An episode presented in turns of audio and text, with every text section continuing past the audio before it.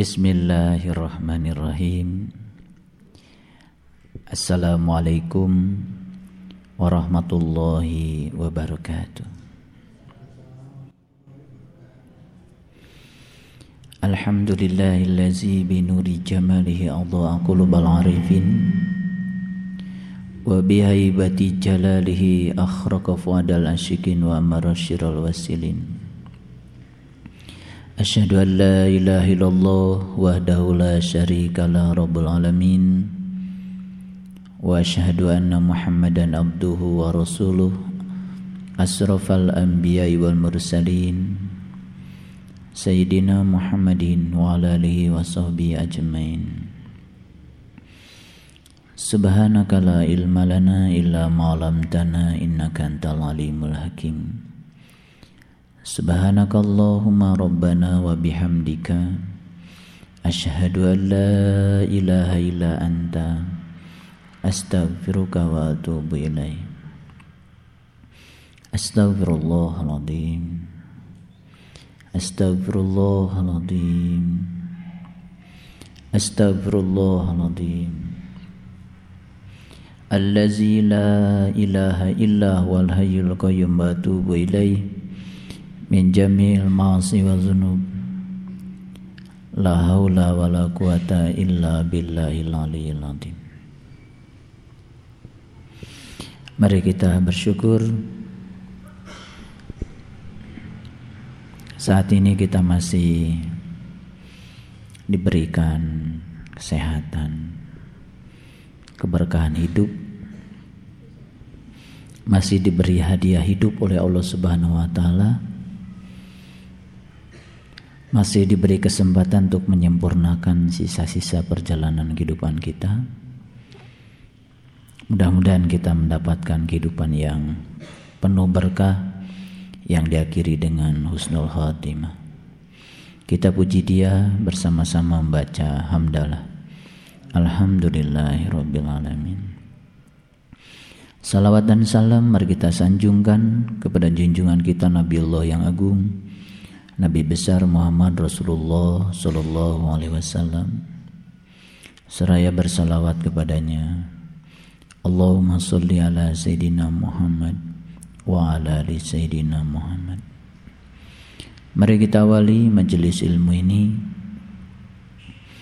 dengan melembutkan hati dan pikiran kita melembutkan jiwa kita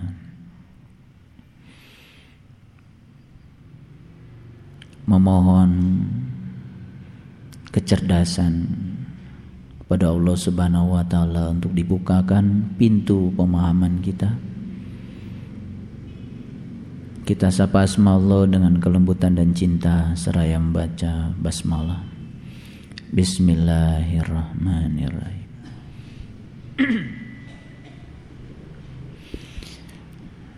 Ada satu pertanyaan kecil yang menggelitik bagi saya. Sebetulnya iblis itu tempat kediaman asalnya itu di mana? Lalu pertanyaan berikutnya, nanti juga iblis tempat kediaman akhirnya di mana? Kan gitu. Di mana tempat kediaman awalnya iblis? Di surga ya. Jadi ternyata iblis itu dulu penduduk surga. Kata siapa? Ya kata Quran. Kan di Quran itu surat Al-Hijr itu ayat 34 Allah mengatakan Qala Allah berfirman fakhruj minha fa innaka rajim fakhruj minha.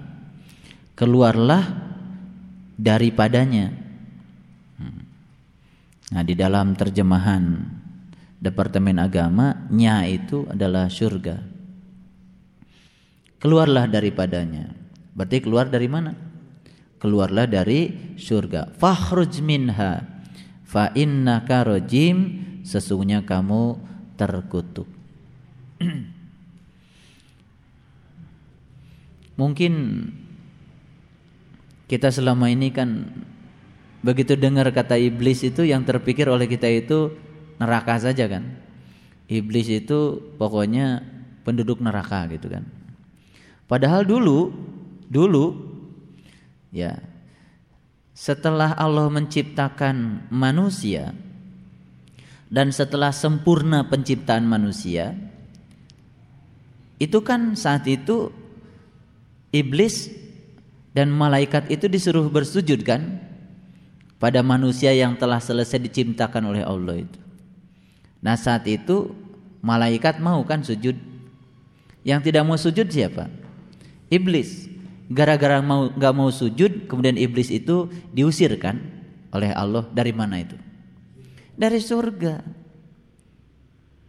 Cuman karena ini kan selama ini kita belajar agama itu kan parsial. Begitu dengar kata iblis itu, yang terpikir oleh kita itu adalah makhluk yang begitu luar biasa, jahatnya gitu kan.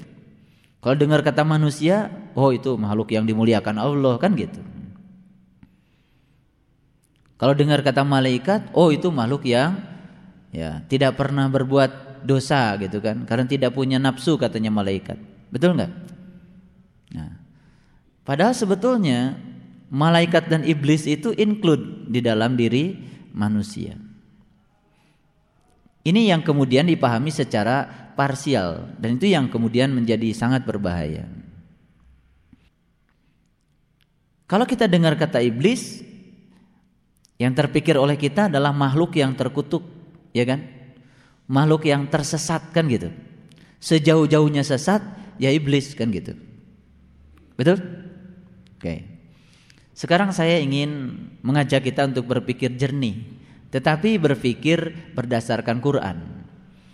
Semoga kita terhindar dari pikiran-pikiran kotor, apalagi pikiran-pikiran yang dilandasi oleh hawa nafsu. saya ingin semuanya membuka dulu Quran surat Ibrahim sebelum saya lanjutkan. Surat Ibrahim itu surat yang ke-14, itu sebelum Quran surat Al-Hijr. Ya.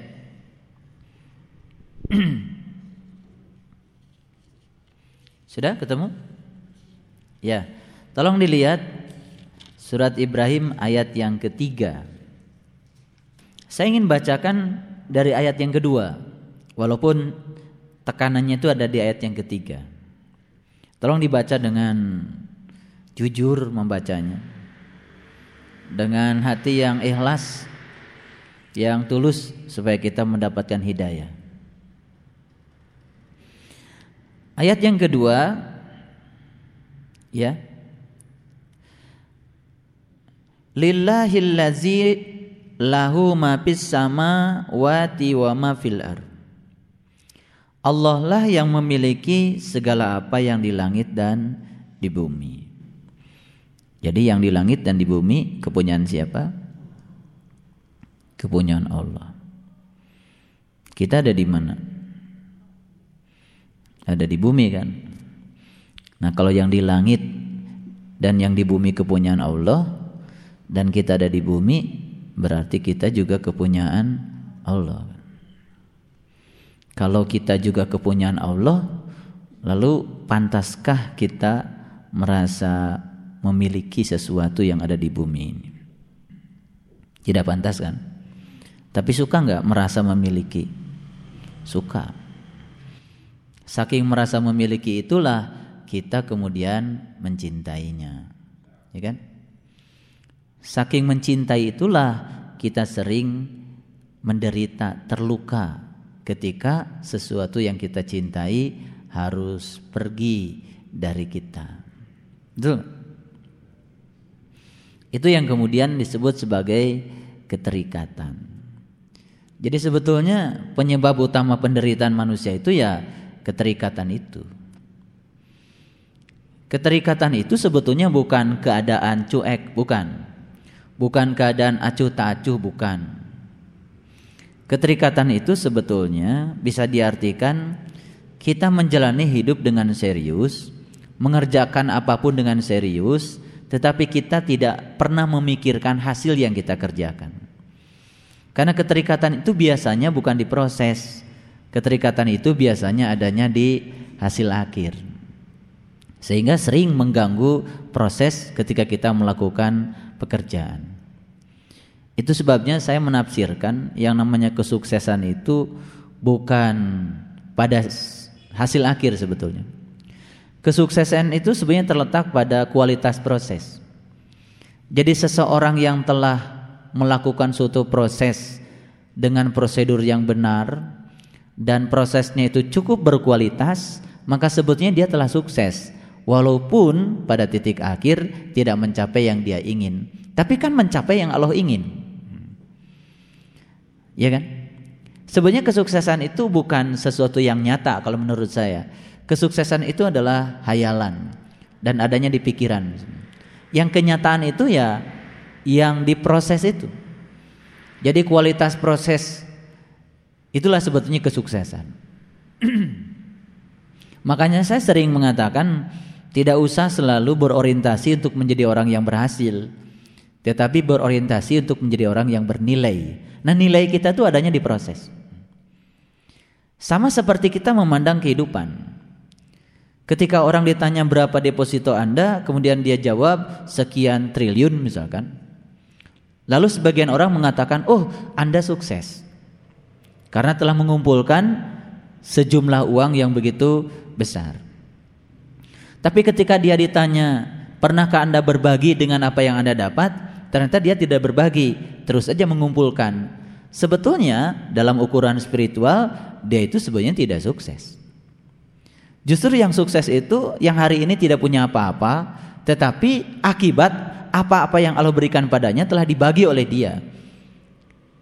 Itu sebetulnya keberhasilan hidup. Karena dia telah menjadikan hidup ini begitu bernilai.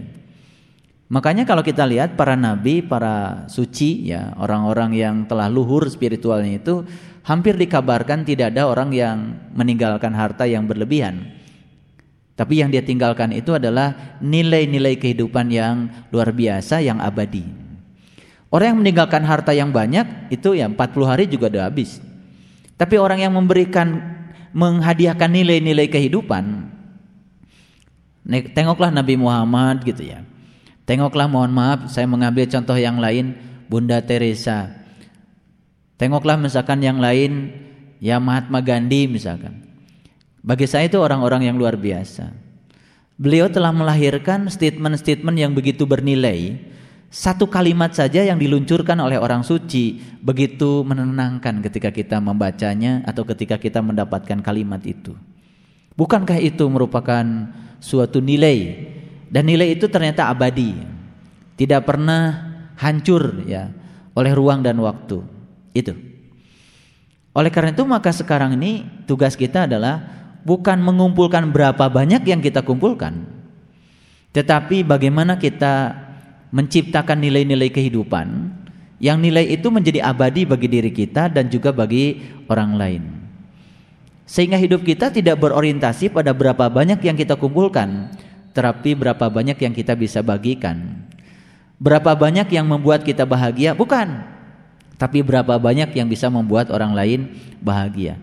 Nah, ketika kita mengubah orientasi hidup kita itu, maka kita akan bisa melihat bahwa sesungguhnya nilai kehidupan itu bukan terletak berapa banyak uang dan pemberian Allah yang dibelanjakan untuk membahagiakan diri kita, tetapi berapa banyak yang bisa dibelanjakan untuk membahagiakan orang lain.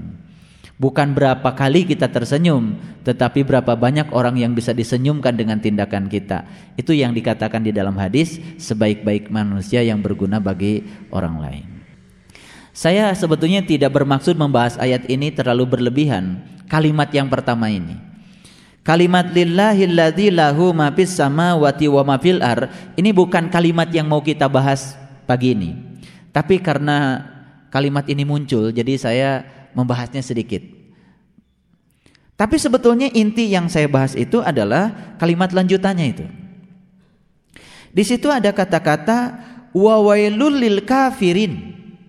Wail, wail itu kan sering diartikan neraka. Betul nggak?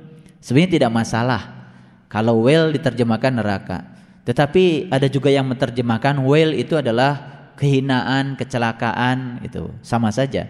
Toh kehinaan dan kecelakaan itu pada dasarnya identik dengan neraka. Nah kalau kata neraka ini diekstrapolasi pada pemahaman yang lebih luas lagi, sebenarnya neraka itu yang selama ini diidentikan dengan nar, dengan api, pada hakikatnya sebenarnya neraka itu ya segala perwujudan yang buruk, segala perwujudan yang tidak menyenangkan, semua penderitaan, kesedihan, penyesalan yang berbau negatif itu sebetulnya bisa berkategori neraka. Makanya sesuatu yang masuk akal kalau wail itu diartikan juga sebagai neraka. Tapi sebetulnya wail itu adalah kecelakaan. Ketika kita baca Quran surat Ara'aital ladzi yukadzibu bidin fazalikal ladzi yatim wala yahuddu ala miskin fawailul lil musallin. Itu diterjemahkan oleh Departemen Agama neraka wel untuk orang yang sholat. Tapi sebetulnya lebih pas, lebih universal sebetulnya kalau diartikan kecelakaanlah bagi orang yang sholat. Apa sih kecelakaannya bagi orang yang sholat? Kok yang sholat celaka gitu? Celakanya itu ketika dia merasa sudah sholat. Kecelakanya itu ketika dia merasa sudah mengabdikan diri kepada Allah. Kecelakanya itu dia merasa dirinya sudah soleh.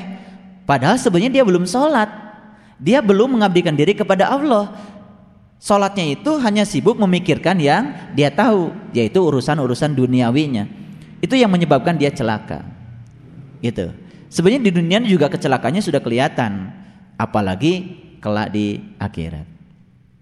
Nah, saya lebih pas, eh, lebih senang mengartikan wa wailul kafirin, kecelakaan bagi orang-orang yang tertutup. Ya, tertutup penglihatan kolbunya. Kenapa? Ya. Min azabin syadid. Nah, di sini ada kata-kata karena siksaan yang sangat pedih. Nah, biasanya kalau dengar kata-kata siksaan yang sangat pedih, lalu pikiran kita kan neraka. Dan neraka itu katanya nanti kan gitu. Padahal sebetulnya kecelakaan itu sudah ada sekarang. Kecelakaan itu sudah ada sekarang. Yang wujudnya itu adalah penderitaan batin penderitaan jiwa. Cuman penderitaan jiwa ini sekarang ini masih ada kompensasinya. Karena dia masih mendapatkan seolah-olah kebahagiaan-kebahagiaan yang non jiwa, yang disebut dengan kebahagiaan dunia, kan gitu. Jadi di pergantian akhir tahun ya dari tahun 2011 ke 2012 ya. Malam itu kan menjadi malam yang sangat luar biasa sehingga setiap orang itu merayakannya dengan upacara-upacara yang pada dasarnya sebetulnya tidak menimbulkan nilai. Jadi semua kota kabupaten itu saya dengar menginvestasikan uang ratusan juta untuk melakukan suatu upacara, mengumpulkan masyarakat untuk hiburan di balai-balai kota. Ya, ada karaokean, ada bakar petasan, ada bakar kembang api, dan itu ternyata jumlahnya itu ratusan juta. Jadi kalau satu kota kabupaten saja kecil-kecilan untuk acara itu 500 juta, itu kecilnya ya, kecilnya. Kalau saya baca di koran itu sampai miliaran. Ya. Itu di seluruh Indonesia berapa kota kabupaten yang pada saat yang sama membakar kembang api dan petasan untuk merayakan pergantian tahun, bukan muhasabah, bukan mengevaluasi diri apa yang kita lakukan tahun kemarin, tindakan apa yang kita ciptakan, kita imajinasikan untuk membangun tahun depan menjadi lebih baik. Subhanallah. Jadi kemarin di Jambi dan Padang itu berkumpul jemaah kita semuanya di situ dan juga dari berbagai elemen masyarakat. Saya memulai untuk wirid agung itu jam 10 malam. Dan setelah jam 12 begitu pas jam 12 itu pas ketika membaca kalimat la haula wala quwata illa billahil aliyil azim. Saya matikan lampu dan kemudian saya merasakan seperti ada sebuah sensasi yang luar biasa. Di saat di kiri kanan saya mendengar suara petasan dan kembang api yang bergemuruh seantero Sumatera Barat Kemudian semua kita melantunkan kalimat yang indah La haula wala quwata illa billahil aliyil azim Dan kemudian semua sajab muhasabah Dan saat itu semuanya menangis histeris Karena ternyata di saat kita pasrah total kepada Allah, Allah membukakan pintu kolbu kita luar biasa dan semua orang yang hadir di situ menyaksikan ruangan gelap itu penuh dengan bintang-bintang. Subhanallah. Kalau saya cerita itu merinding ya. Karena itu setelah selesai acara kemudian mereka sharing semuanya dan luar biasa.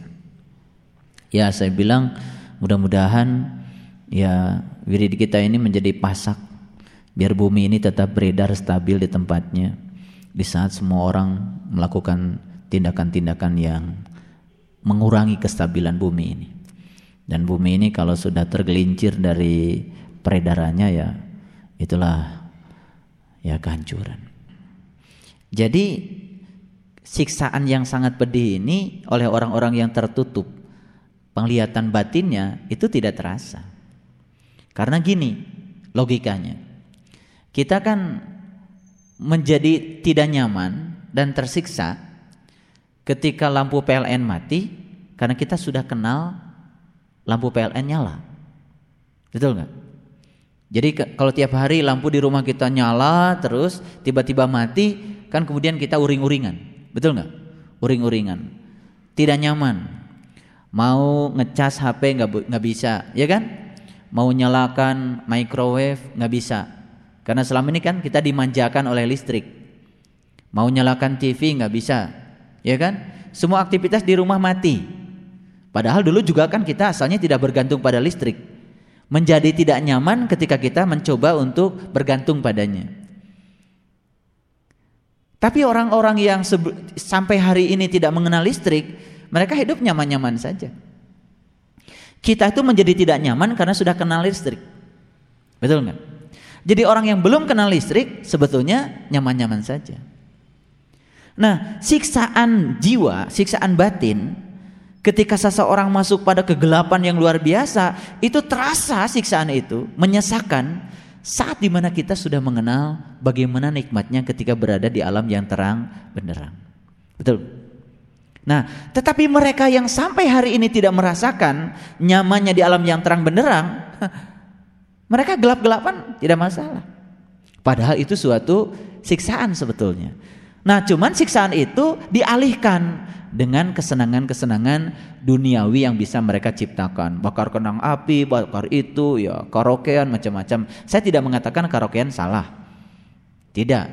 Tetapi kalau misalkan sudah melampaui batas kan jadi ujungnya hura-hura kan gitu. Kemudian ayat berikutnya, tolong diperhatikan ya.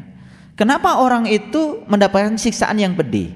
Kenapa orang yang tertutup itu mendapatkan siksaan yang pedih? Kemudian Allah mengatakan, "Alladzina yastahibbunal hayatud dunya."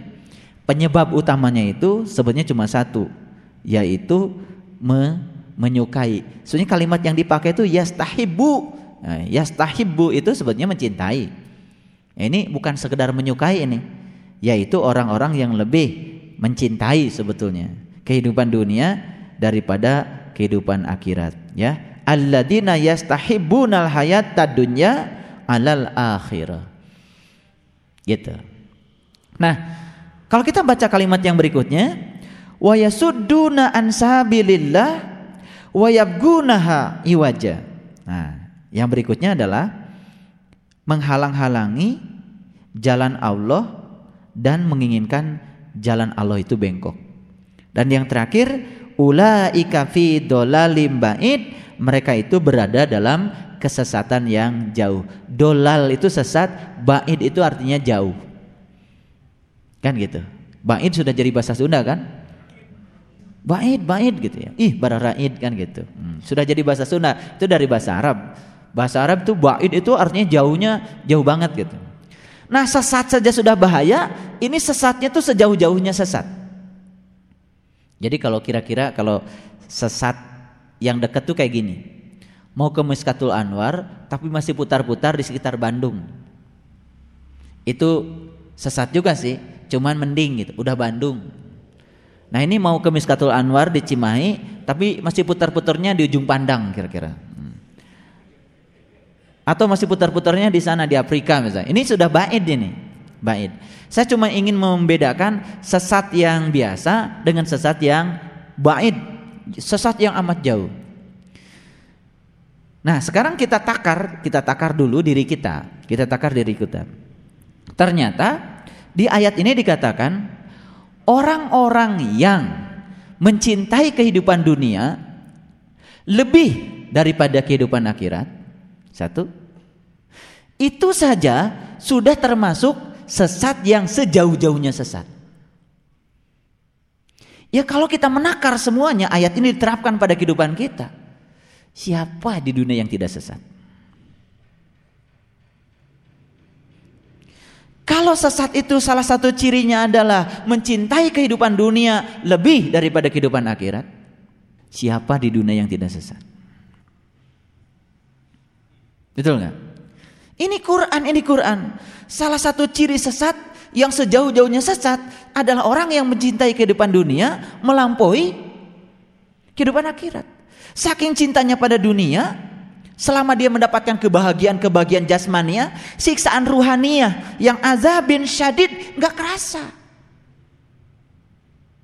Sebetulnya siksaan Allah pada wilayah ruhaniah itu hanya akan dirasakan oleh orang-orang yang sudah mengenyam kehidupan ruhaniah itu kayak apa nikmatnya. Ketika tidak mendapatkannya baru dia akan tersiksa. Yang belum mendapatkannya tidak merasa tersiksa. Makanya ya ini bedanya antara orang yang tertutup dengan orang yang terbuka. Nah, apa sih maksudnya saya bahas ayat ini? Kan tadi kita sedang bicara setiap ada kata-kata sesat, apalagi sejauh-jauhnya sesat, neraka macam-macam, selalu dikaitkan dengan iblis kan? Betul nggak? Nah sekarang saya mau tanya, sebetulnya iblis itu sebenarnya siapa?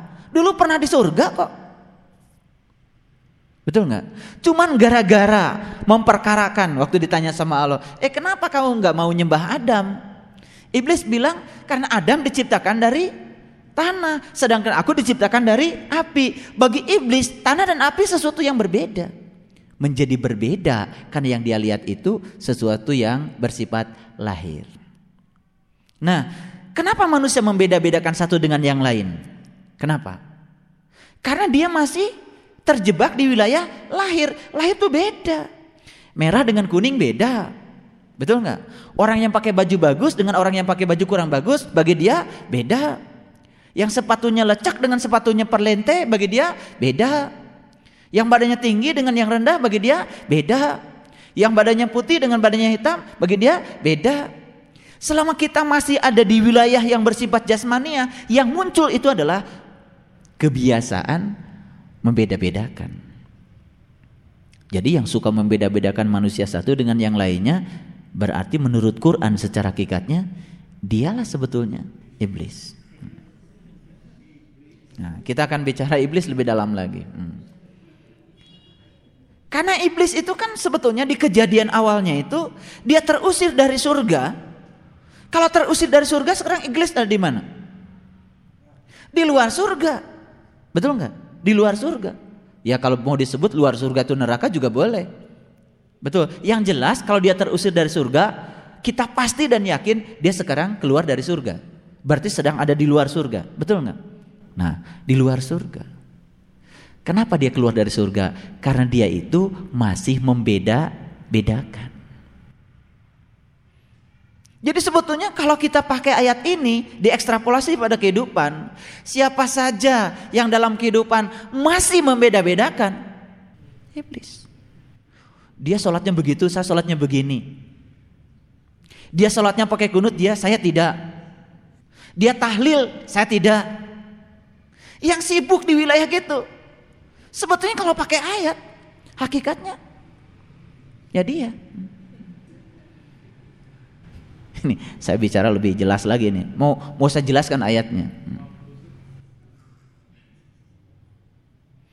Jadi kalau kita masih sibuk, dia beda dengan saya, mau mencintai orang lain karena beda agama, masih membeda-bedakan satu dengan yang lain karena aspek-aspek lahir, aspek agama, aspek keyakinan, aspek suku, ya kan? Aspek kulit, ya kan? Aspek budaya, aspek kekayaan, aspek ada tidak ada. Ya dunia seperti ini. Kalau kita melihat ya itu perbedaan.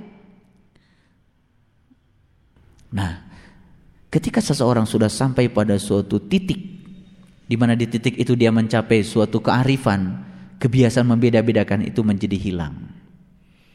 Kalau kita lihat nasi tumpeng dari awal jalannya beda-beda kan? Karena nasi tumpeng itu kan di bagian bawah diameternya besar makin kecil diameternya, makin kecil diameternya, makin kecil diameternya sampai suatu saat tak berdiameter lagi yang namanya titik di puncaknya. Betul nggak? Orang ada yang lewat jalan sini, ada yang lewat jalan sini, ada yang lewat jalan sini, ada yang lewat jalan sini, jalannya lain-lain, masih di bawah. Masih di bawah banyak jalan. Maka ketika orang lewat jalan sini, kemudian orang bilang, "Eh, kamu kok lewat jalan situ, nggak lewat jalan saya?" Dia lupa, padahal sebenarnya tujuannya itu titik yang di atas. Betul nggak? Ketika sampai di satu titik, semua jalan itu akan bertemu di situ. Jadi kalau pakai garis, garis ini, garis ini, garis ini, garis ini, garis ini, kalau pakai garis, semua akan ketemu di satu titik. Nah, perpotongan dari semua jalan itulah titik. Ketika sampai di titik itu, kemudian, eh, kamu ada di sini, eh, kamu ketemu saya, gitu kan? Ya, loh, kok bisa ya? Itu jalannya lain-lain, akhirnya ketemunya di titik yang sama. Jadi sebetulnya kita tidak perlu usil dengan pilihan orang lain. Ya kan? Tidak usah usil karena apa? Sepanjang mereka juga menuju pada titik yang yang sama. Titik yang sama itu yang di dalam Quran surat An-Nas dikatakan kul a'udzu birabbin. Aku berlindung pada Tuhannya manusia. Eh ternyata Tuhan lu dengan Tuhan gue sama ya. Kenapa kita dulu berantem?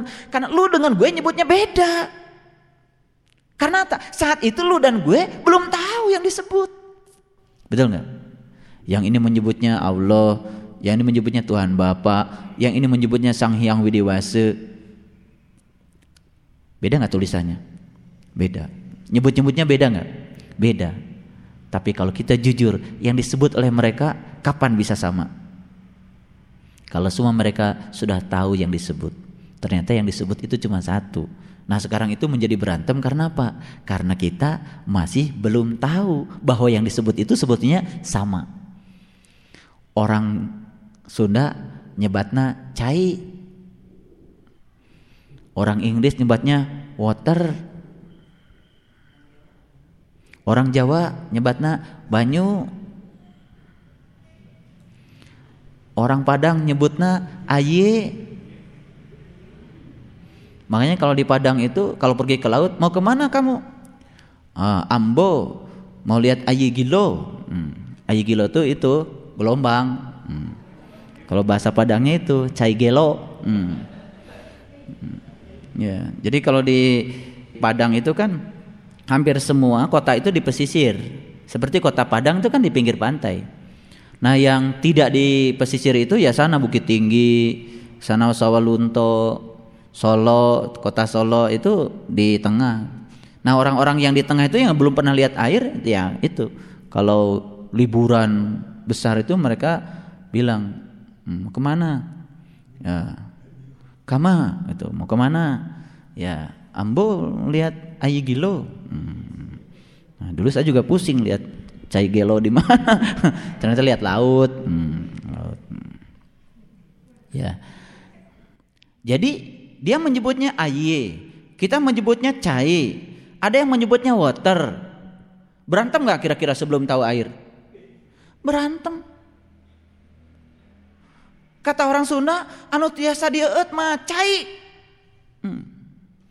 ya bukan. Yang bisa diminum itu banyu. Hmm. Kata orang Inggris, ah kamu salah dua-duanya. Yang benar itu water. Hmm.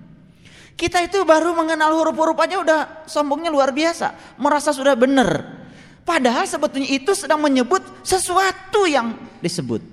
Nah ketika masing-masing ini yang kamu maksud. Oh iya itu. Ketawa semua kan? Betul nggak? Jadi sebutnya perbedaan itu terjadi karena apa? Karena dia masih tertutup untuk melihat yang disebut. Karena iblis itu ketika kenapa nggak mau sujud? Karena dia masih melihat sesuatu dari aspek luar. Beda dengan malaikat. Ketika malaikat disuruh sujud ya sujud saja. Karena yang dilihat bukan Adam lagi, yang dilihat hakikat Adam. Karena malaikat sadar Fa idza sawaitu wa nafakhtu fi min ruhi dan ketika telah selesai penciptaannya aku tiupkan ruhku. Ditiupkan ruhku ruhku ruhku ruhku ruhku ruhku ruhku. Ditiupkan ruhku pada semuanya. Berarti kalau ruhku ditiupkan pada semuanya pada masing-masing orang itu ada ruhku. Kalau ada ruhku pada masing-masing orang apa haknya kita menghinakan orang lain? Karena pada dasarnya kita ini sama. Sebenarnya di situ akan ketemu titiknya Nah, sudah ketemu titiknya akan muncul kearifan. Ya, akibatnya orang akan sibuk untuk menata dirinya ke dalam ya dan tidak sibuk lagi menata dirinya keluar. Baik. Nah, ini dulu ini dulu. Salah satu ciri orang yang sesat sejauh-jauhnya sesat itu apa tadi? Orang yang mencintai dunia yang melampaui cintanya pada akhirat. Kalau kita mau jujur, kita aja nggak usah ngomongin orang ya. Hmm. Kita cinta mana pada dunia dan akhirat? Coba duit kita banyakkan dunia, banyakkan akhirat. Nah, waktu kita banyakkan dunia dan akhirat. Pikiran kita banyak dunia dan akhirat. Nah, iya. Iya. Salah satu ciri orang kafir itu mencintai dunia daripada akhirat. Lah bagaimana dia cinta akhirat? Akhiratnya aja belum tahu. Ya kan? Lah akhirat yang mau dicintainya belum tahu. Wajar kan kalau dia cinta dunia, tahunya cuma dunia? Kata Quran ini kafir. Itulah sesat yang sejauh-jauhnya sesat. Di dalam Quran surat Al-Ma'arij, Quran surat Al-Ma'arij ayat yang keempat, di situ kan dikatakan, malaikat dan ruh. Hmm, di situ dikatakan malaikat dan ruh. Jadi ketika seseorang itu menggunakan malaikat, malak, tekad untuk mendorong ruhnya nah, keluar dari dunia ini, dia akan masuk pada suatu alam yang hitungannya di situ satu hari di situ itu sama dengan 50 ribu tahun di dunia. Oke, ini saya kasih hitungannya. Berapa sih usia kita taruhlah usia kita eh, 60 tahun. Atau 100 tahun lah 100 tahun. Ya Pendra 100 tahun. Kayaknya nyampe kalau Pendra 100 tahun. 100 tahun kali 365 hari berapa? 100 tahun kali 365 hari berapa? 365 kan satu tahun itu 365 hari. Betul nggak? Nah sekarang kita hitung satu tahun, uh, eh, 100 tahun misalnya usia kita, ya kan? 100 tahun itu berarti 100 kali 365 hari. Berapa? 36.500 hari. Jadi tolong dicatat, kalau kita itu punya umur 100 tahun, kita hidup di dunia itu berarti 3000 oh 36.500 hari. Catat. Pendra catat. 36.500 hari. Saya hitung saja sekarang, dibulatkan. Eh, jadi 40 ribu lah. Supaya nggak nggak nggak nggak repot ngitungnya. Dikasih bonus lagi. Ya 100 tahun lebih lah. 40 ribu hari. Jadi kalau kita punya umur 100 tahun lebih itu hidup kita di dunia itu berapa? 40 eh, ribu hari. 40 ribu hari. Nah, Allah mengenalkan kepada kita. Kalau kita bisa mendorong ruh kita dengan malak, mendorong ruh kita dengan malak ke suatu alam, ke suatu alam yang tidak tidak tidak pantas disebut alam, ya tidak disebut pantas disebut alam, maka hitungannya di sana itu satu hari itu sama dengan 50 ribu tahun.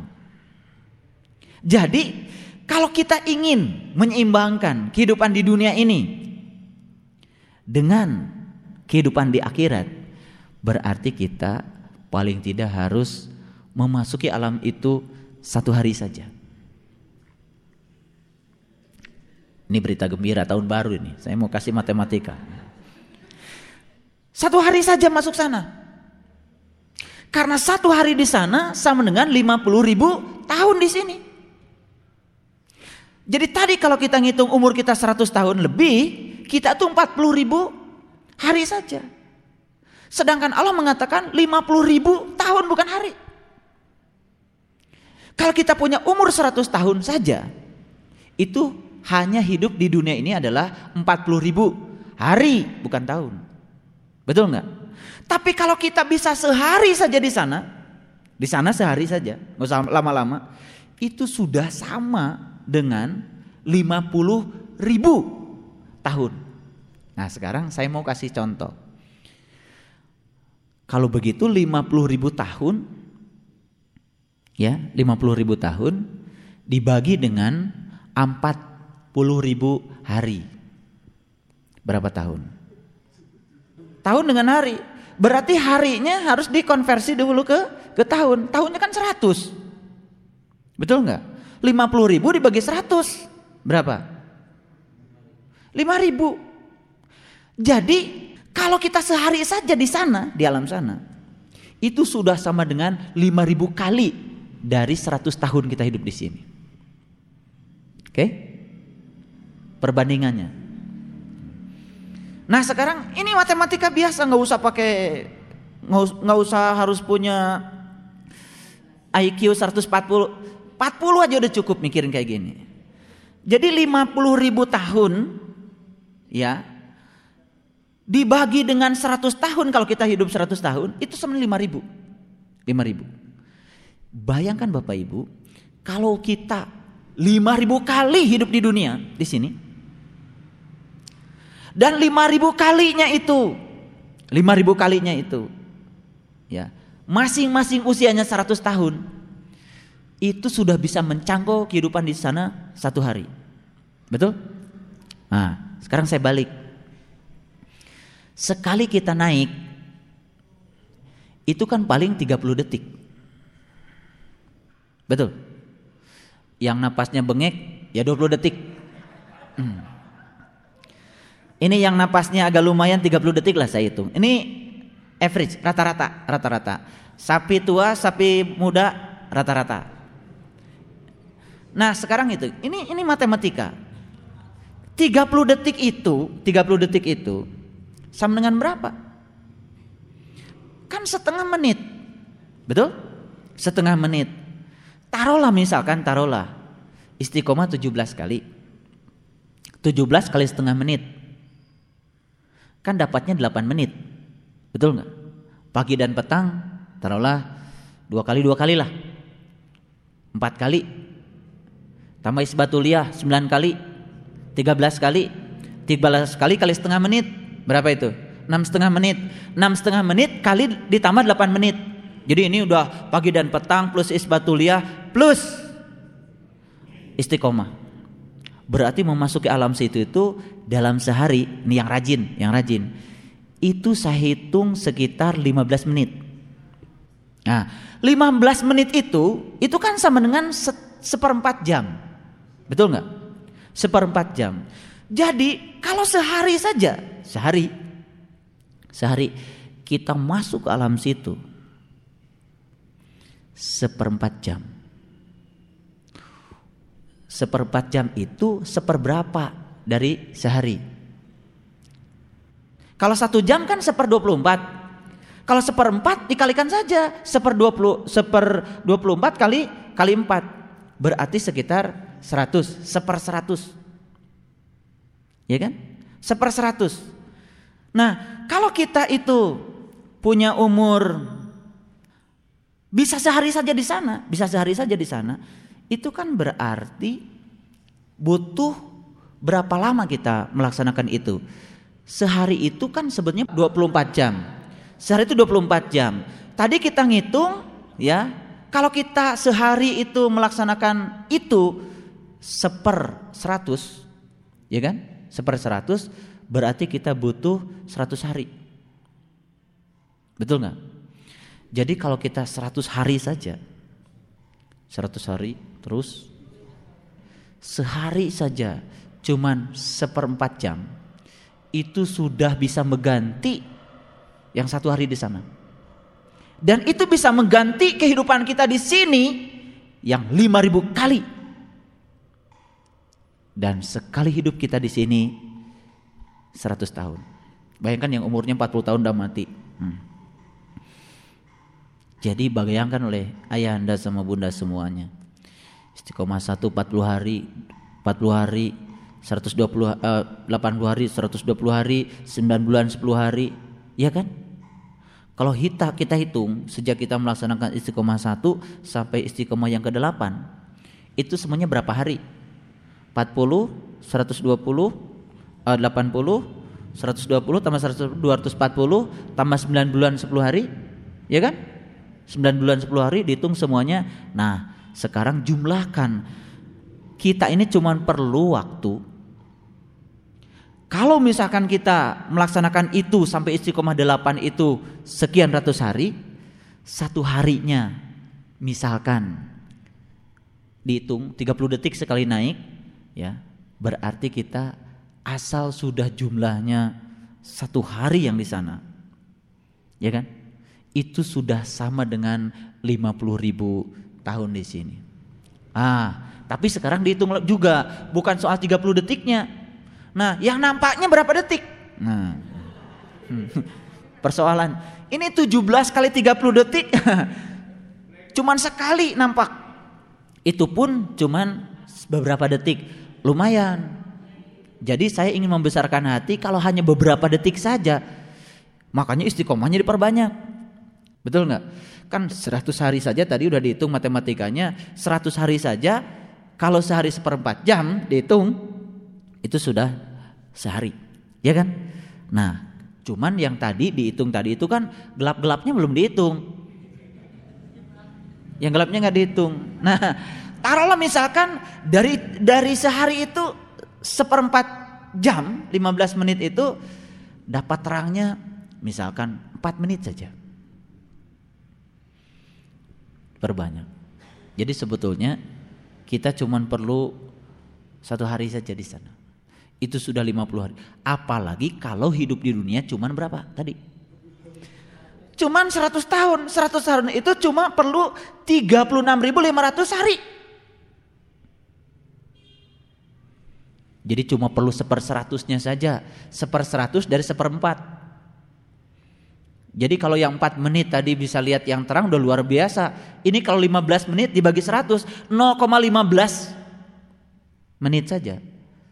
Itu sudah luar biasa. Ini matematika biasa, nggak usah terlalu di, nggak usah pakai kalkulator. Hmm.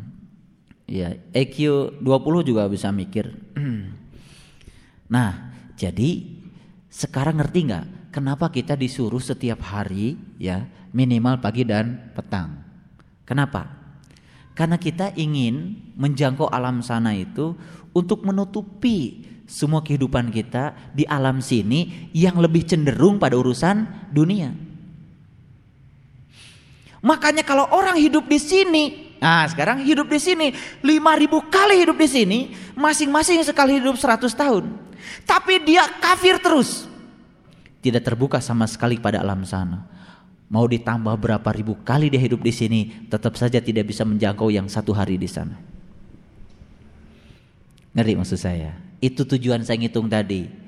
Jadi ya kalau dia hidup lima ribu kali di sini, hidup mati, hidup mati, hidup mati, hidup mati, sekali hidup dia seratus tahun, tetapi dia tidak terbuka ke alam sana dan belum pernah mendorong malaikat menggunakan malaikat untuk mendorong ruhnya memasuki alam sana. Itu sesungguhnya ribuan kali dia terlahir ke alam sini tidak akan pernah merasakan walaupun cuma satu hari di alam sana. Luar biasa.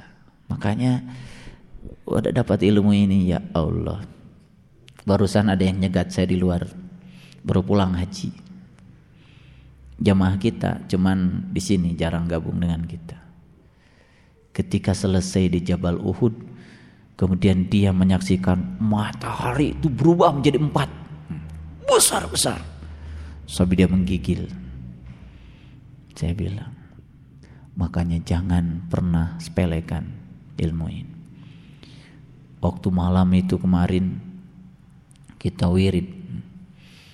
Ada jemaah teriak sama saya setelah itu Buya tadi Buya pakai dasi ya warnanya merah bagus sekali Apaan dasi? Saya pakai baju putih. Hmm, hmm. Saya katanya pakai dasi dari sejak awal saya pakai dasi warnanya merah. Jadi dia nangis lihat dasi saya. Dasi apaan? Emang saya mau ke kampus aja saya nggak pernah pakai dasi, pakai celana jeans saya. Subhanallah. Selesai upacara, selesai wirid, mereka semua bilang semua ruangan itu kok penuh bintang katanya. Subhanallah. Eh, itu memang janji Allah. Fala uqsimu bimawaqi'in nujum wa innahu laqassamu law ta'lamuna adim innahu laqur'anun karim fi kitabi maknun la yamassuhu ilal mutahharun. Bintang-bintang itu tidak akan pernah ditunjukkan kecuali pada mereka-mereka yang suci. Makanya yang bisa melihat suci itu, yang nggak bisa melihat itu kotor. Karena kekotorannya nggak bisa lihat. Ada yang bilang, kok saya nggak lihat ya? Ya itulah koreksi diri. Ada apa? Berarti ada hijab kan? Orang ditunjukkan sama Allah begitu jelas kok. Hmm. Dia nggak bisa lihat. Ya. Tapi saya bilang itulah tanda-tanda Allah yang ditunjukkan pada ibu bapak. Jangan pernah ada keraguan. Jadi setelah wirid agung yang belum tawajuh pun kemudian tiba-tiba daftar semuanya pengen ditawajuh baru ikut wirid luar biasa. Ya jadi itu yang pertama. Jadi orang kafir itu salah satu sifatnya apa? Dia mencintai dunia daripada akhirat. Ya nah makanya kecintaan kita kepada dunia ini sekarang ini sedang dikikis dengan cara apa? Kita terus meninggalkan dunia ini. Ya walaupun cuma beberapa detik kita ada di alam Islam itu sudah mengalami inadin indallah hil Islam jadi sebetulnya inadina indallah Islam itu bukan statement tapi itu pengalaman inadin sesungguhnya intinya alam din indallah di sisi Allah adalah kepasrahan Begitu kita pasrah total sampai kita di alam din. Hitungan di alam situ satu hari sama dengan 50 ribu tahun di kehidupan dunia. Makanya kita sering memasuki alam din untuk apa? Untuk menyeimbangkan kehidupan kita yang di dunia ini yang lebih banyak disibukkan oleh kehidupan-kehidupan dunia. Makanya kita berpaling sekali-kali ke sana. Hanya diperlukan sekali-kali saja. Ya. Jadi sangat masuk akal kalau di Quran dikatakan inna fatahna laka sesungguhnya aku telah memberikan keterbukaan kepadamu. Fathamu bina yaitu keterbukaan yang nyata. Lakallah mata qaddama min dambik wa mata akhor. Maka aku ampuni dosamu yang telah lalu dan dosamu yang akan datang. Dosa yang lalu diampuni, dosa yang akan datang juga diampuni. Karena apa? Paling lama hidup di dunia 100 tahun.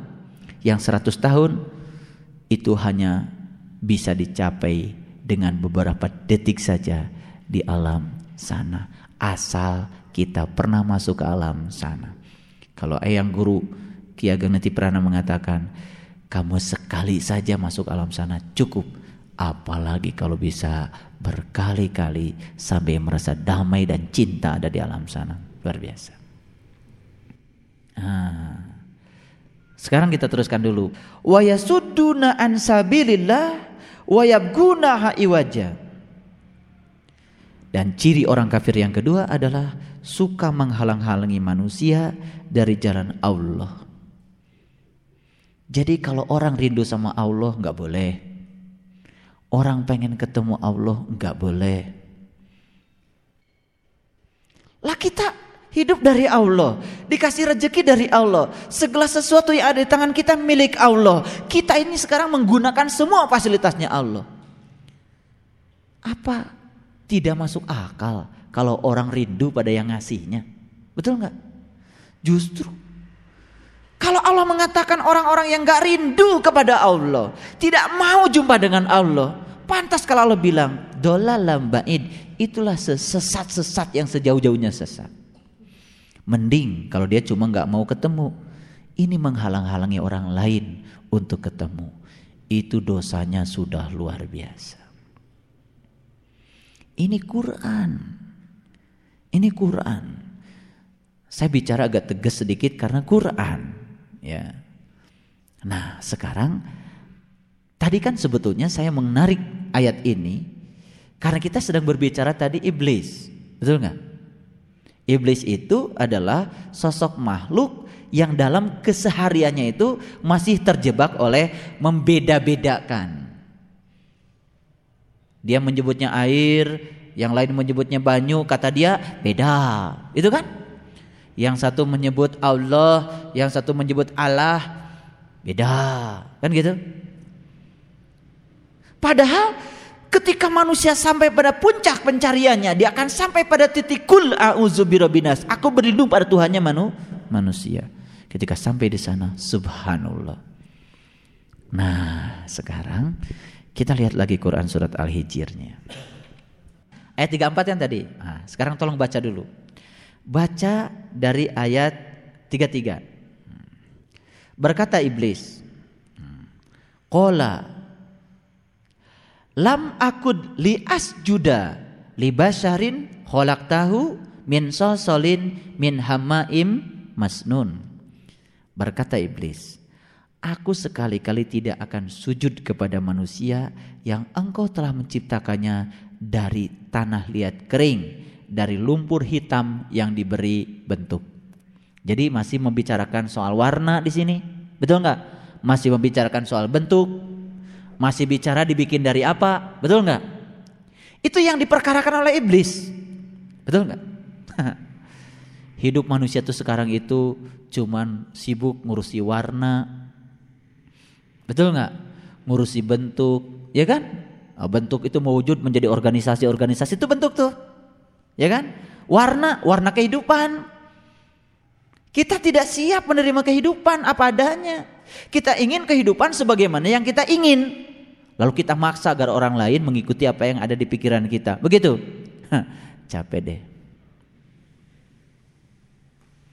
Makanya kita nggak bahagia-bahagia. Karena kita memaksa orang di luar diri kita agar ngikutin apa yang kita pikirkan. Padahal warna itu ya biarkan berbeda. Mungkin kita juga diberi peran yang berbeda kok oleh Allah. Nah sekarang kita teruskan. Allah berfirman. Apa kata Allah? Fakhruj minha fa innaka. Keluarlah dari surga karena sesungguhnya kamu terkutuk. Berdasarkan ayat ini kita bisa tahu oh ternyata iblis dulunya di surga. Hmm. Betul? Nah, aneh nggak di pikiran kita sekarang? Aneh. Mana iblis di surga? Ah gitu kan aneh. Karena kita belajarnya nggak pakai Quran. Iya, itu ilmu kita selama ini itu kan, ilmu kirata. Itu menjadi kelemahan pembicaraan kita. Pahit saya sampaikan, ini Quran. Jadi kalau gitu iblis diusir oleh Allah dari surga gara-gara apa? Gara-gara iblis itu masih membeda-bedakan. Makanya kalau masih membeda-bedakan, riweh, pasea wae. Nah, pasea itu kan neraka. Jadi sekarang saya mau tanya, banyakkah iblis? Banyak.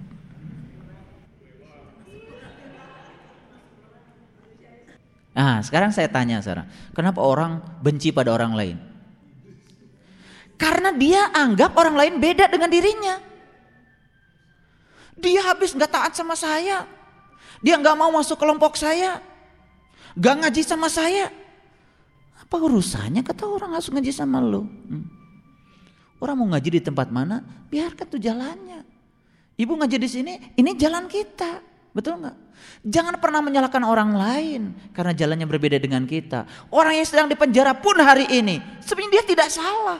Itu jalan hidup yang harus dia jalani.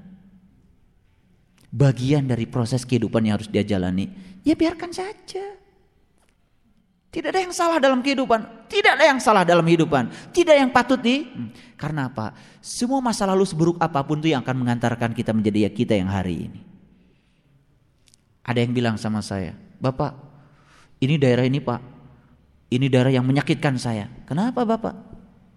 Saya dulu pernah jadi petani Pak di sini. Saya bangkrut. Terus sekarang kenapa? Alhamdulillah Pak, saya setelah jualan yang ini nih sekarang, bisnis saya luar biasa. Hah, saya bilang, Bapak tuh bisa jualan itu karena pernah bangkrut jadi petani. Kalau Bapak tidak bangkrut jadi petani, nggak mungkin Bapak jadi jualan itu. Betul nggak? Allah menutup satu pintu dan bukan pintu lain bagi Bapak.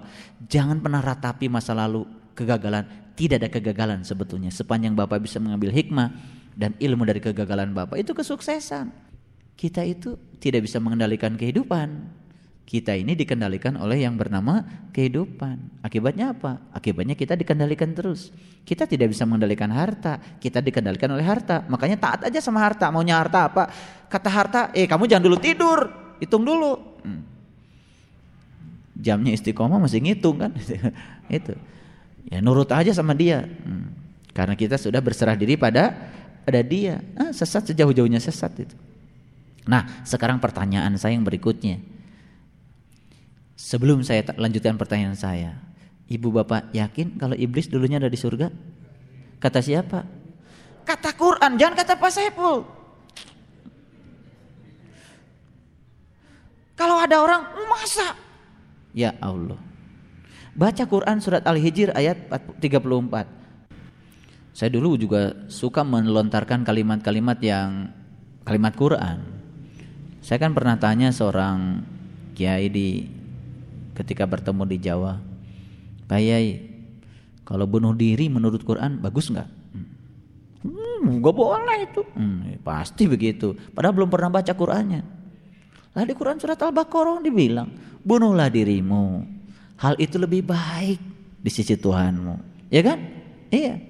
Dan Tuhan akan mengampuni kamu. Jadi ternyata baru diampuni kalau sudah bunuh, bunuh. Itu baik kata Quran. Hmm. Ya, cuman kan kita ngerti bunuh, kan saya bilang bunuh diri menurut Quran, bukan menurut Pak Kiai. Kan pertanyaannya begitu. Kalau menurut manusia, oh iya, menurut otaknya dia, menurut Quran. Nggak saya tanya, iblis dulu tempatnya di mana? Menurut Quran. Surga. Nah, sekarang pertanyaan saya yang kedua. Kalau yakin iblis berasal dari surga, pertanyaan saya, kapan iblis masuk lagi surga? Hah? Pakai Quran lagi. Nah, kata Quran kan di sini dikatakan, ya. Ya. Apa kata Quran? Wa inna alaika la'nata ila yaumiddin. Dan sesungguhnya kutukan itu tetap menimpamu sampai datangnya yaumiddin. Iya. Yaumiddin nih. Diterjemahkan hari kiamat nggak apa-apa, tapi kiamat bukan hancur, kiam itu bangkit. Sampai iblis itu bangkit dari kematian ruhaniahnya. Betul nggak? Oh, kalau gitu iblis bisa tawajuh bisa. Hmm. Lah iya, bagaimana caranya kiamat? Kiamat itu kan dihancurkan nih alam semestanya, betul nggak? diratakan, dimatikan. Lah supaya bisa meratakan, bisa menghancurkan alam semestanya ini gimana caranya? Kan dia harus tahu ilmunya. Kan orang yang hancur itu orang yang mati itu tidak mendengar, tidak melihat, tidak mendapat, tidak bicara. Gimana kalau nggak diajarin sama guru? Ya kan? Nah makanya dia harus dihancurkan dulu. Gimana caranya? Ya harus ikutan dong. Harus ikutan. Iya kan? Harus dapat ilmu dulu. Setelah dapat ilmu kemudian dihancurkan, diratakan. Setelah itu dia bangkit dari kematian rohanianya. Masuk mana dia? Masuk surga. Makanya kita terus nyeritain iblis. Waduh, saya tadi habis tergoda oleh iblis. Hmm. Itu iblis itu kalau belum kiamat terus aja nggodain kita gitu kan. Hmm. Kan gitu selama ini, betul nggak? Subhanallah. Nah kalau begitu saya mau tanya sekarang. Nabi Adam dari surga enggak? Dari surga. Nabi Adam pernah terusir enggak dari surga? Pernah. Gara-gara apa? Makan buah holdi. Dalam Quran dikatakan Nabi Adam itu terusir dari surga karena dia menanggalkan baju takwanya, ya kan? Dia menanggalkan bajunya, akibatnya auratnya jadi kelihatan, ya kan? Gitu. Ketika seseorang itu menanggalkan baju takwanya, maka auratnya jadi kelihatan. Ketika seseorang itu tidak sudah tidak dibajui dengan baju takwa lagi, yang muncul itu adalah kebencian, kejelekan, itu kan? Nah, kan ada orang yang kelihatan tuh dikit-dikit ngomongin orang, dikit-dikit ngomongin orang. Yang keluar dari mulutnya itu bukan kan kalau ahli surga di Quran illa kilan salaman salama yang keluar dari mulutnya itu pasti ucapan damai dan mendamaikan. Ini mencemooh, menjatuhkan, menjelekan. Sebenarnya dia sedang tinggal di mana? Di neraka. Saya mau tanya sekarang, kenapa dia kelihatan auratnya? Karena dia tidak menggunakan baju baju takwa. Kalau orang yang selalu pakai baju takwa, nggak berani. Mau ngomongnya udah istighbar. Kenapa? Langsung dipakai lagi baju takwanya. Karena takut kelihatan auratnya. Memangnya kalau orang sedang ngomongin orang lain, mencemooh orang lain, menghina orang lain, apa dia menjadi terhormat? Tidak, dia sedang menghinakan dirinya sendiri. Makanya ketika orang di, dihina di apa dia tetap sabar, itu dia sedang menggunakan baju takwanya. Yang muncul dari dirinya itu kemuliaannya. Nah, itu yang dikatakan di Quran itu ya min sya'airillah fa innaha min taqwal qulub. Syiar-syiar Allah itu hanya akan dilahirkan dari takwal kulub, dari kolbu yang takwa. Ya, kolbu yang takwa itu adalah kolbu yang sudah menggunakan baju baju takwa. Baju takwa apa? Ya Allah. Kalau sudah pakai baju Allah, kemudian kita melihat Allah di setiap orang, meliputi semua manusia dan ruhnya ditiupkan pada semua manusia, kita tidak berani lagi. Nah, jadi kembali lagi. Ternyata iblis itu sering terusir dari surga. Tapi iblis juga masih punya kesempatan masuk ke dalam surga. Betul. Asal dia mau mengkiamatkan dirinya. Nah, kalau begitu siapa iblis itu? Baru jelas dari tadi ngomongin iblis. Dikirain yang diomongin ya orang sana itu. Hmm. Baru jelas. Dari tadi yang diomongin dikiranya di sana, orangnya di sana, ternyata ngumpul di sini. Hmm.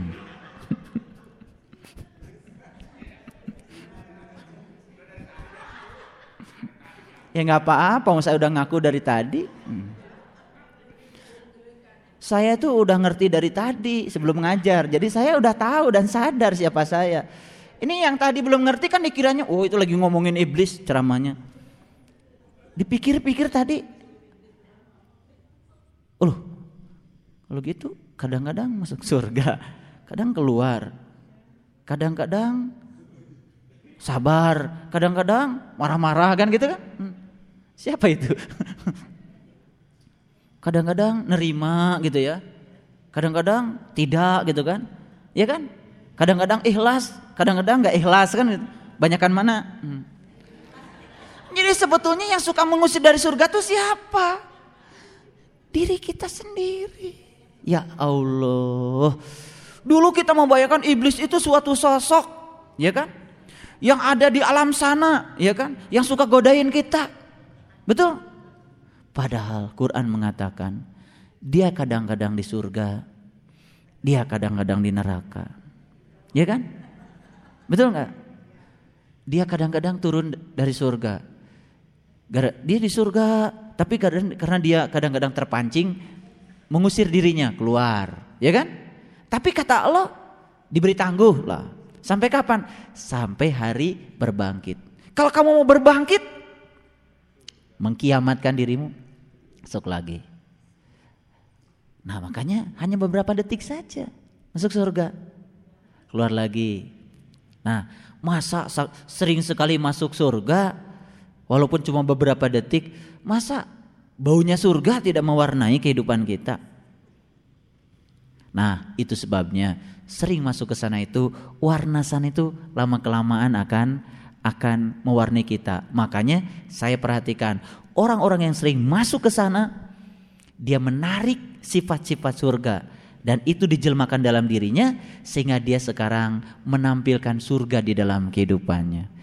damai, tenang, masalah banyak tapi biasa, ya kan? Sehat, sakit, biasa, tetap bisa senyum di segala keadaan. Surga nggak itu?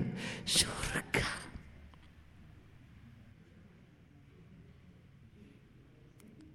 Gitu. Ya. Kapan kita itu? Nah, ini pertanyaan berikutnya. Kapan kita itu memiliki potensi untuk terusir dari surga? ketika kita sering membeda-bedakan. Ini uangnya banyak, ini kurang. Ini kaya, ini tidak. Ini naik angkot, ini tidak. Enggak boleh lagi. Ketika kita terjebak pada membeda-bedakan, tidak usah nunggu diusir. Langsung kita akan terusir sendiri pusing. Lalu kita coba bandingkan dalam perbedaan itu. Kita bandingkan diri kita dengan orang lain, ya kan? Bandingkan rumah kita dengan rumah orang lain. Bandingkan mobil kita dengan mobil orang lain, ya kan? Bandingkan tinggi kita dengan tinggi orang lain, ya kan? Begitu lihat orang tinggi, duh, saya jadi rendah hati. Karena saya pendek. Ah udah, langsung beli alat yang di TV itu yang bisa memanjangkan itu kan. Langsung tidur langsung panjang gitu kan. Hmm. alat apa itu namanya? Ya pokoknya beli alat itu buru-buru. Kenapa? Stres. Gara-gara tingginya kurang ideal. Kan gitu. Jadi akhirnya hidup itu terus mikirin tinggi badan mikirin berat badan kapan mau berserah diri sama Allah betul nggak udahlah sekarang terima saja kehidupan ini apa adanya. Kalau masih bisa dilangsingkan, langsingkan nggak apa-apa. Kalau mau bisa ditinggikan, tinggikan. Tapi jangan terikat pada hasil. Ya kan? Fitness untuk tinggi badan, fitness jangan fitness untuk sehat aja supaya istiqomahnya lancar gitu kan. Kok saya udah ini Pak tapi tetap perut saya nggak apa-apa. Emangnya kenapa sih Pak Indra aja perutnya kayak gitu nggak apa-apa, sehat-sehat saja. Jadi nggak usah. Nah kita ini kan, nah kenapa? Karena kita itu sering ya terjebak pada tadi kecintaan pada urusan-urusan yang bersifat materi, bersifat fisik. Akibatnya kita pusing sendiri, kita menjebak diri kita sendiri. Jadi kesimpulannya dari tadi kita bicara iblis, iblis, iblis. Terus kita mengerucut secara induktif sampai akhirnya kita mendapatkan kesimpulan, oh ternyata iblis itu tidak jauh ya. Pada ngumpul juga di sini. Nah, akhirnya kita sadar selama ini kita baca Quran itu kan tidak kontekstual, terlalu ngawang-ngubung, ya kan? Dongeng tentang malaikat dan iblis itu sujud pada Adam itu semua orang udah tahu. Tetapi kontekstualnya, implementasinya apa? Betul nggak? Jadi sebetulnya kita itu sekarang sedang membuat agar penglihatan kita yang terhalang oleh aspek-aspek lahir ini tembus sehingga masuk pada yang dibalik lahir. Begitu tembus ke sana, maka kita tidak melihat lahir lagi. Yang melihat itu adalah tembusannya. Itulah Quran mengatakan inna akramakum indallahi atqakum. Sesungguhnya orang yang paling mulia di sisi Allah adalah orang yang bertakwa. Gitu. Jadi akhirnya kita melihat oh ternyata derajat manusia itu tidak bergantung pada aspek lahirnya tapi pada aspek ketakwaannya. Makanya di dalam Quran juga dikatakan darah dan daging tidak akan mencapai Allah. Yang mencapai Allah adalah takwa. Takwa lagi, takwa lagi. Kan begitu. Makanya kita pun akan menjadi manusia yang mensyiarkan Allah kalau kita sudah memulai kehidupan kita dengan min takwal kulub dengan kolbu yang takwa. Jadi kesimpulan dari pengajian kita hari ini ya kita memahami diri kita lebih dalam lagi. Ternyata Allah begitu luar biasa mengatakan ya waja'alna lakum fiha ma'ayisa. Ternyata segala sesuatu ada di dalam dirimu. Nah, kalau segala sesuatu ada dalam diri kita, berarti kita sekarang tinggal menggali, ya kan? Kalau belajar iblis nggak usah jauh-jauh ke dalam. Belajar malaikat nggak usah jauh-jauh ke dalam. Belajar asmaul husna nggak usah jauh-jauh ke dalam. Belajar sifat 20 nggak usah jauh-jauh ke dalam. Demikian juga orang yang mencari Allah keluar dari dirinya akan semakin menjauhkan dia dari Allah karena semuanya ada di dalam dirimu. Wa fi anfusakum afala tubsyirun dan pada dirimu kenapa engkau tidak perhatikan? Jadi selama ini kita terlalu sibuk mencari iblis keluar dari diri kita tetapi kita tidak pernah memaknainya ke dalam. Padahal dia turun dari surga dan sekali-kali juga dia bisa masuk ke dalam surga ketika dia bisa mengkiamatkan dirinya. Itu. Sadaqallahul azim. Terima kasih atas segala perhatiannya. Mohon maaf bila ada kesalahan. Assalamualaikum warahmatullahi wabarakatuh.